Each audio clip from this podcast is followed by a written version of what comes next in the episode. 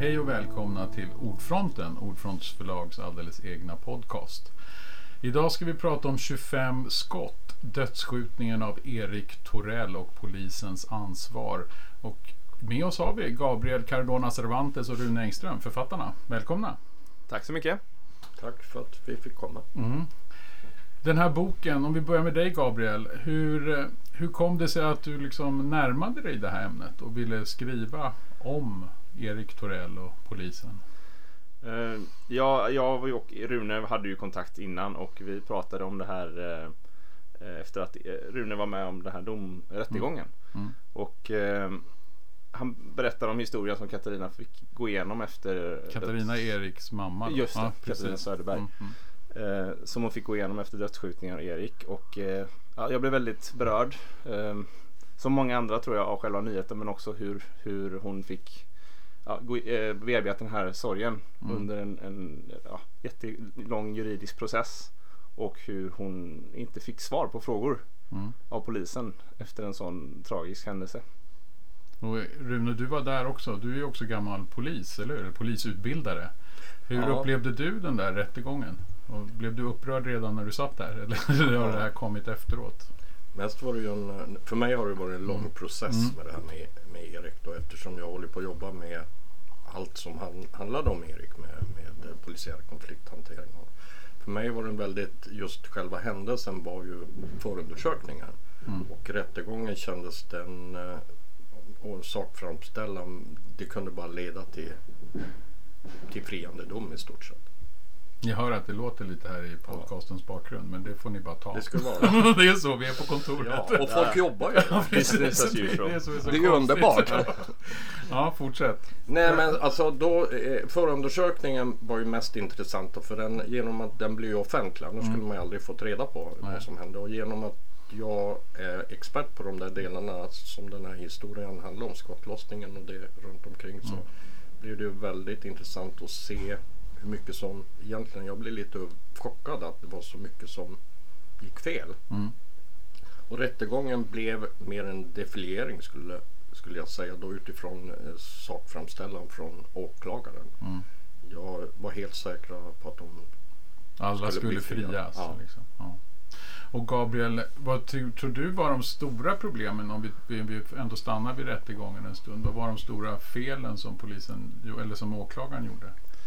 Ehm, det, det är ju väldigt um, brottsorienterad uh, åtal. Att mm. man, man siktar in sig på de här 3-10 sekunderna som dött. Själva skotten av fyra stunder? Eller vad man ska säga. Ja, mm. när de här 25 skotten avlossades. Mm.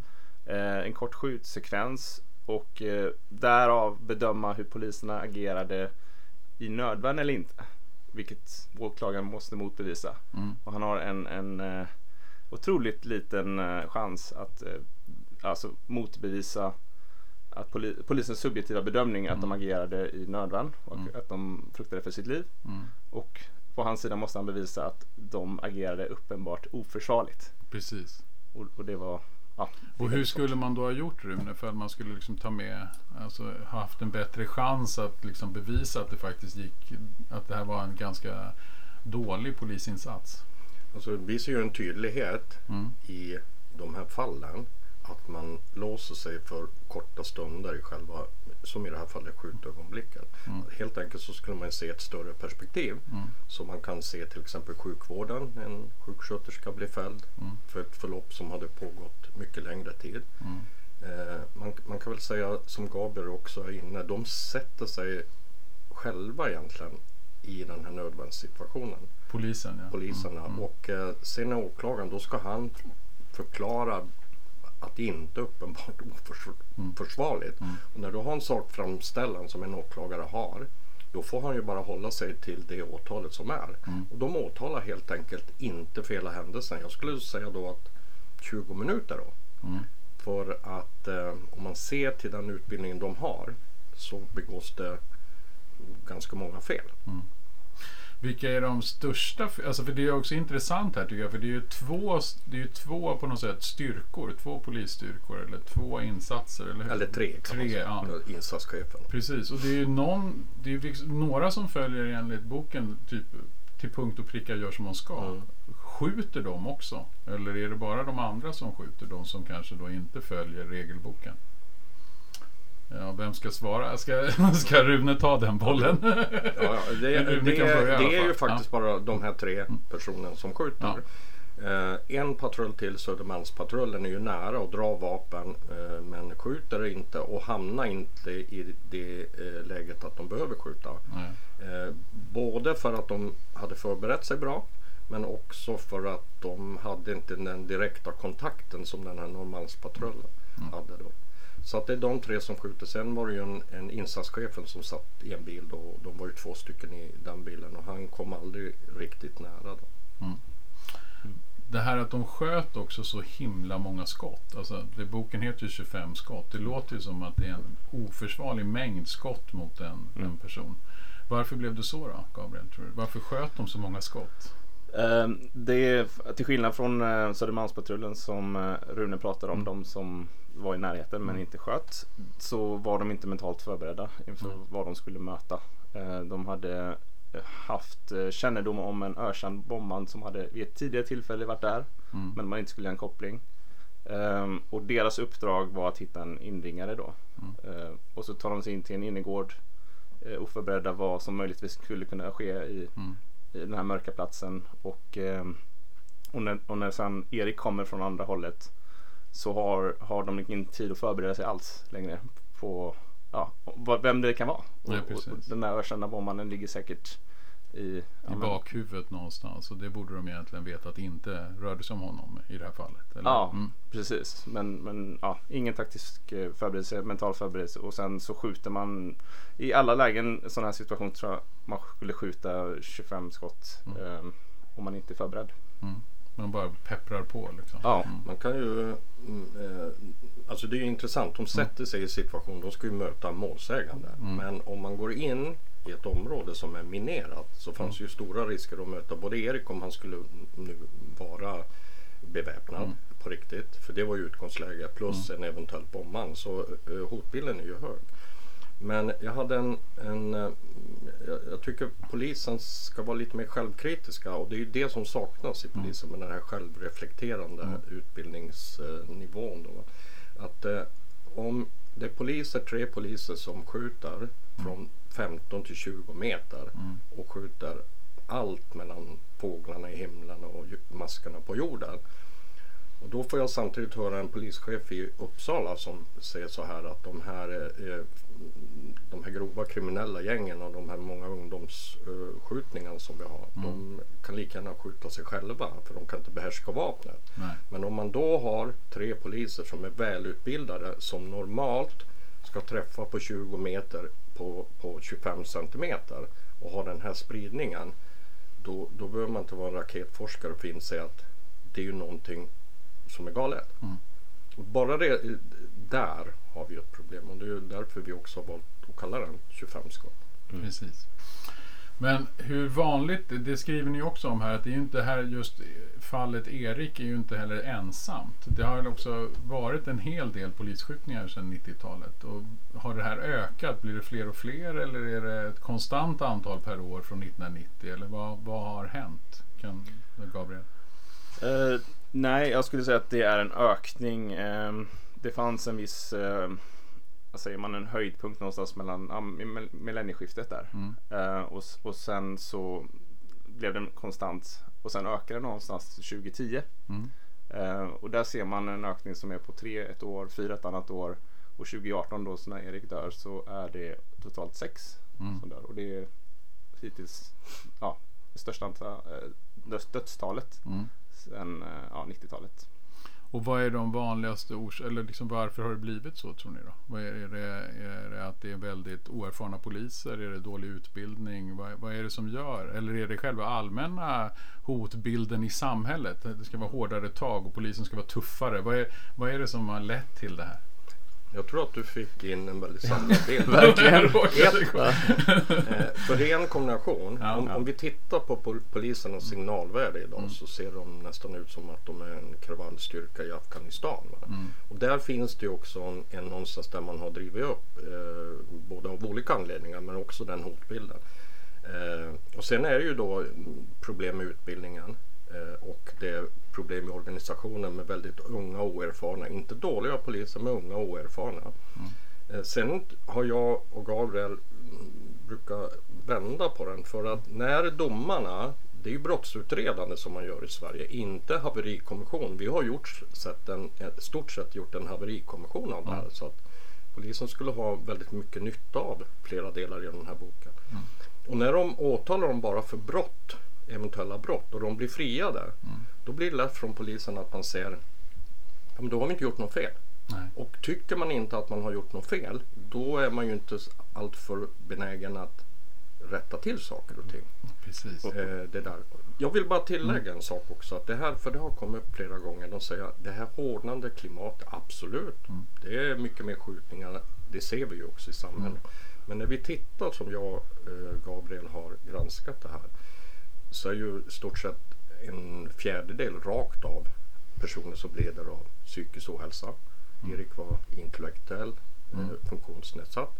Och det är väldigt mycket små kriminella. Det är inte de här äh, grova kriminella som Det är inte de läser. som åker Nej, hit. i, i stort sett ingen. Nej. Och när folk säger hårdare tag, ja, mm. men man kanske inte ska gå till en förskola och ta hårdare tag. Nej, precis. Nej. det är sant. Så att ja, man måste skilja mellan ja. äpplen och päron. Ja. Och det här har jag mött flera gånger och mm. det är en otroligt viktigt att göra en distinktion. Gabriel, varför tror du att det blir så där då? Eller du kanske hade något annat att tillägga? Nej, jag bara tänker på att mm. eh, 25 skott är liksom, det borde vara någon slags väckarklocka även om ingen eh, fälls mm. i slutändan. Att det borde väcka någonting. Mm. För att, och dessutom handlar det om en pojke med eh, intellektuell funktionsnedsättning mm. som får 25 skott. Alltså, det måste finnas något ansvarsutkrävande eh, efter det. Och det är det som är så, ja, som jag pratade om innan. Mm. Jag blir så tagen av det när Mm. Katarina går med om, är med om en sån här sak och så får hon ingen riktig förklaring. Nej, Än idag. Nu har Nej. det gått äh, ja, tre år. Vad säger Katarina förresten om boken? Så tycker hon också att det här känns som en viss, alltså någon form av upprättelse? Att hon har fått någon förklaring till vad som hände? Att ni har gått till botten med saker som polisen borde ha gått till botten med? Mm. Hon, eh, ja, det var ju hem till henne, bjuden på middag i lördags. Och det var tårar hon såg boken och det var champagne och det var, hon tycker den är helt fantastisk boken. Mm. Och hon uh, tycker också att Alltså hon är ju väldigt mycket med i boken då genom ja, att är med och hon mm. har ju varit en stor källa till information. Hon tycker den är fantastisk också med Erik. Och, mm. så att, uh, och hon känner ju också att någonstans blir det ju också ändå en upprättelse för henne en del säger att rättegången är en upprätt, upprättelse. Det är ju på ett sätt. Många får ju inte en rättegång. Det har vi också granskat här. De mm. flesta fall eh, Bara avskrivs innan. Och mm. Eh, mm. eh, anhöriga får ingen del av det. Och det där är ju också en stor del av, tycker vi, polisens ansvar att ta det här anhöriga perspektivet, mm. offerperspektiv. Och det, ja, det säger jag rakt av, det är uruselt. Mm. Mm. Varför tror ni att det är så? Varför kommer inte polisen hem till de här personerna och försöker förklara vad som hände? Alltså man kan ju tänka sig, även om det inte blir rättegång, mm. så om, det är en, om en psykiskt sjuk person har blivit skjuten, som i princip då är oskyldig, varför, varför gör inte polisen någonting där? Varför, går, man, varför tar man inte tag i det? Mm. Det verkar så konstigt för polisen är ju ändå inte, liksom, det är ju ändå vår myndighet. Ja, det är ju ja. vi. Det är ju, det är vår sista utpost mot Folket. våldet. Ja, mm. precis. Mm. Varför åker de inte hem till folket och pratar? Förstår ja. ni det?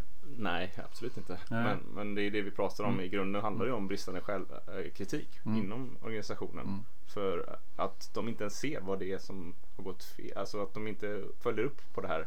Ja, precis. Borde alltså bara det borde säga att de inte har självkritik. De gör det uppenbarligen inte för att de inte vill. Nej. De, de tänker inte på att göra det. De ser Nej. inte att de har agerat fel. Nej. Man kan ju fylla på också. Har det alltid varit så inom polisen? Ja, men jag, jag skulle ja. säga att äh, äh, Gabriel har helt rätt Men det är också att polisen har blivit en sån äh, Ja, men nästan blivit en, en, en, ett himmelrike för byråkrater. Det är inte så att det är något konspiratoriskt utan det är en byråkrati som inte fungerar. Och det blir någonstans, jag gör mitt jobb ungefär som Katarina fick ett telefonnummer och ringde upp mm. till polisen. Varför ringer du hit? Jag kan väl inte prata om det här. Så det finns egentligen ingen struktur för det där. Och mm. Då blir det igen att amen, vi har inte gjort något fel. Nej. Vi kan inte säga någonting. Vi kan hänvisa till psykologer, till mm. ter terapi och så. Det kan de göra. Men det, det, det, till slut blir det att man får en avsaknad av empati i hela organisationen och man slår ifrån det. Eh, och där har man ju mycket att lära sig. Mm. mm. Ja, de tappar ju kontakten med medborgaren, vilket mm. som vi pratade om, det är ju där de ska vara liksom. Precis. Nära medborgaren. Men i boken är också inte bara det här djupdykning i det här fallet eller att ni också kartlägger väldigt många skjutningar och felaktigheter som har skett under en lång tid i Sverige. Det är också ett porträtt av, av Erik. Varför var det viktigt att liksom visa vem Erik var och hur, vem Erik var för Katarina och för sin familj och så? Nej, alltså ja, Erik, eh, han är liksom, det är en historia i sig ja. som måste berättas. För han, han, han, är en eh, otroligt charmig levnads, äh, var otroligt charmig levnadsglad pojke med mycket liv och, och humor. Mm. Eh, när man träffar familjen och pratar om berätta, alltså, det, det vore en stor förlust att inte ha med honom. Mm, precis. Eh, så ja, ehm, han, han, eh, det var en väldigt eh, lustfull eh, bit av att skriva den här mm. mm. boken. Att berätta om Erik och göra det här porträttet. Mm. Sen var det väl också att jag lärde ju känna om tillfällighet Katarina. Mm. Och jag blev ju ändå både berörd och jag är ganska erfaren från polisiärt håll men också väldigt irriterad att det fungerar så dåligt som det gjorde. Så att eh, det blev som pojke med dans. Mm. Han blev någonting som inte var egentligen liv. Och en del kan ju vara ganska hårda också. Ja, men varför går han ute med vapen på natten? Skyll dig själva ungefär. Ja, precis. Som att okej, okay, det var ju inte bra men samtidigt måste ju ändå polisen också ta sitt eget ansvar. Och, och då kände vi så här, vi vill ju göra ett porträtt, en människa och det är inte eh, det är människor som har ganska stora utmaningar i samhället. Mm. Och så som vi behandlar de som har svårast i samhället sätter ju ganska mycket tonet hur samhället är. Mm. Och då ville vi göra att det här är inte bara en skjutning av en dans person. person liksom.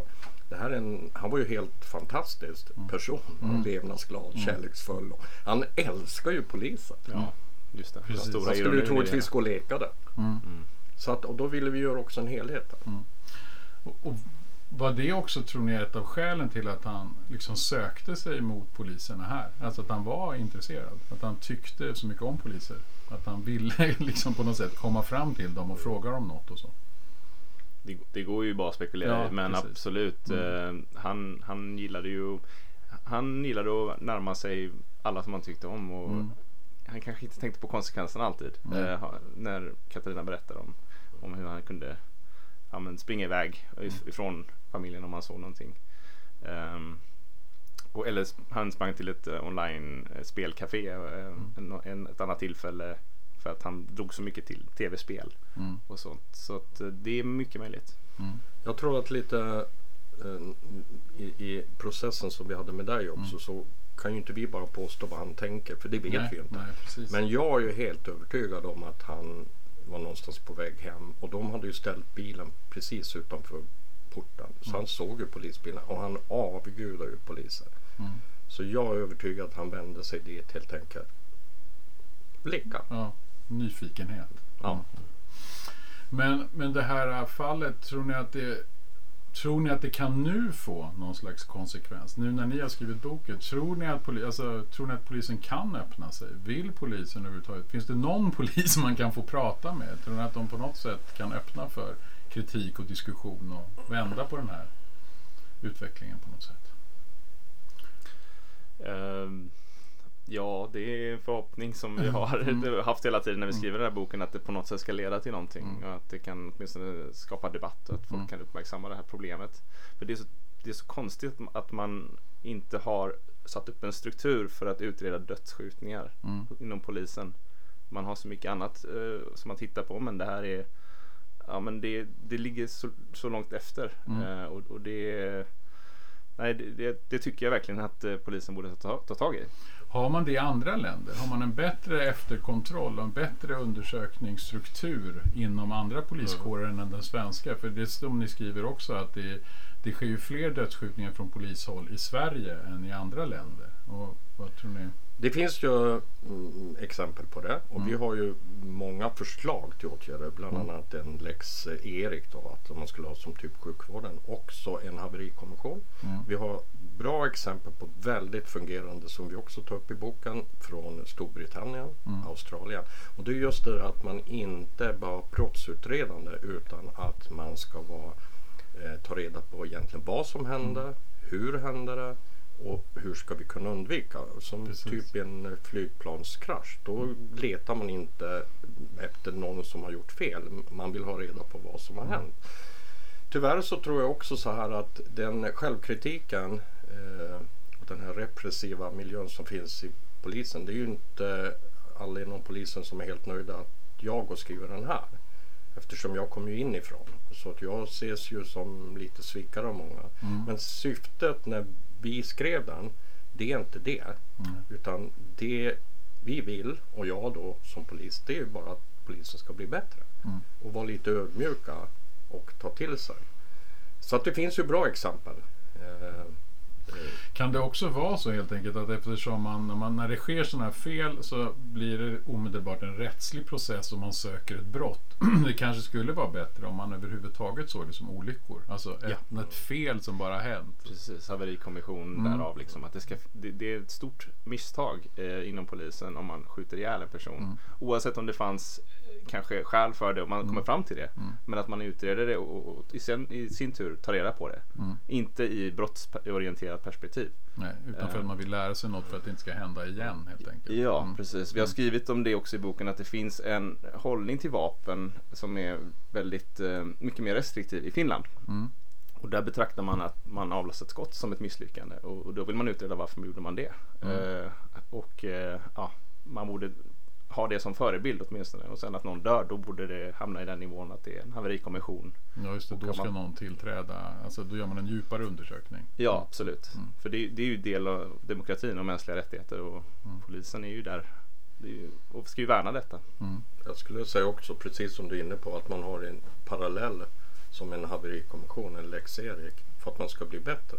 Alltså det är ju en, det är en självklarhet när man jobbar med utbildning och sånt. Och, och, och det ju, utesluter ju inte att man har en brottslig utredande del. Självklart om någon har gjort något brottsligt så ska de ställas till ansvar för det.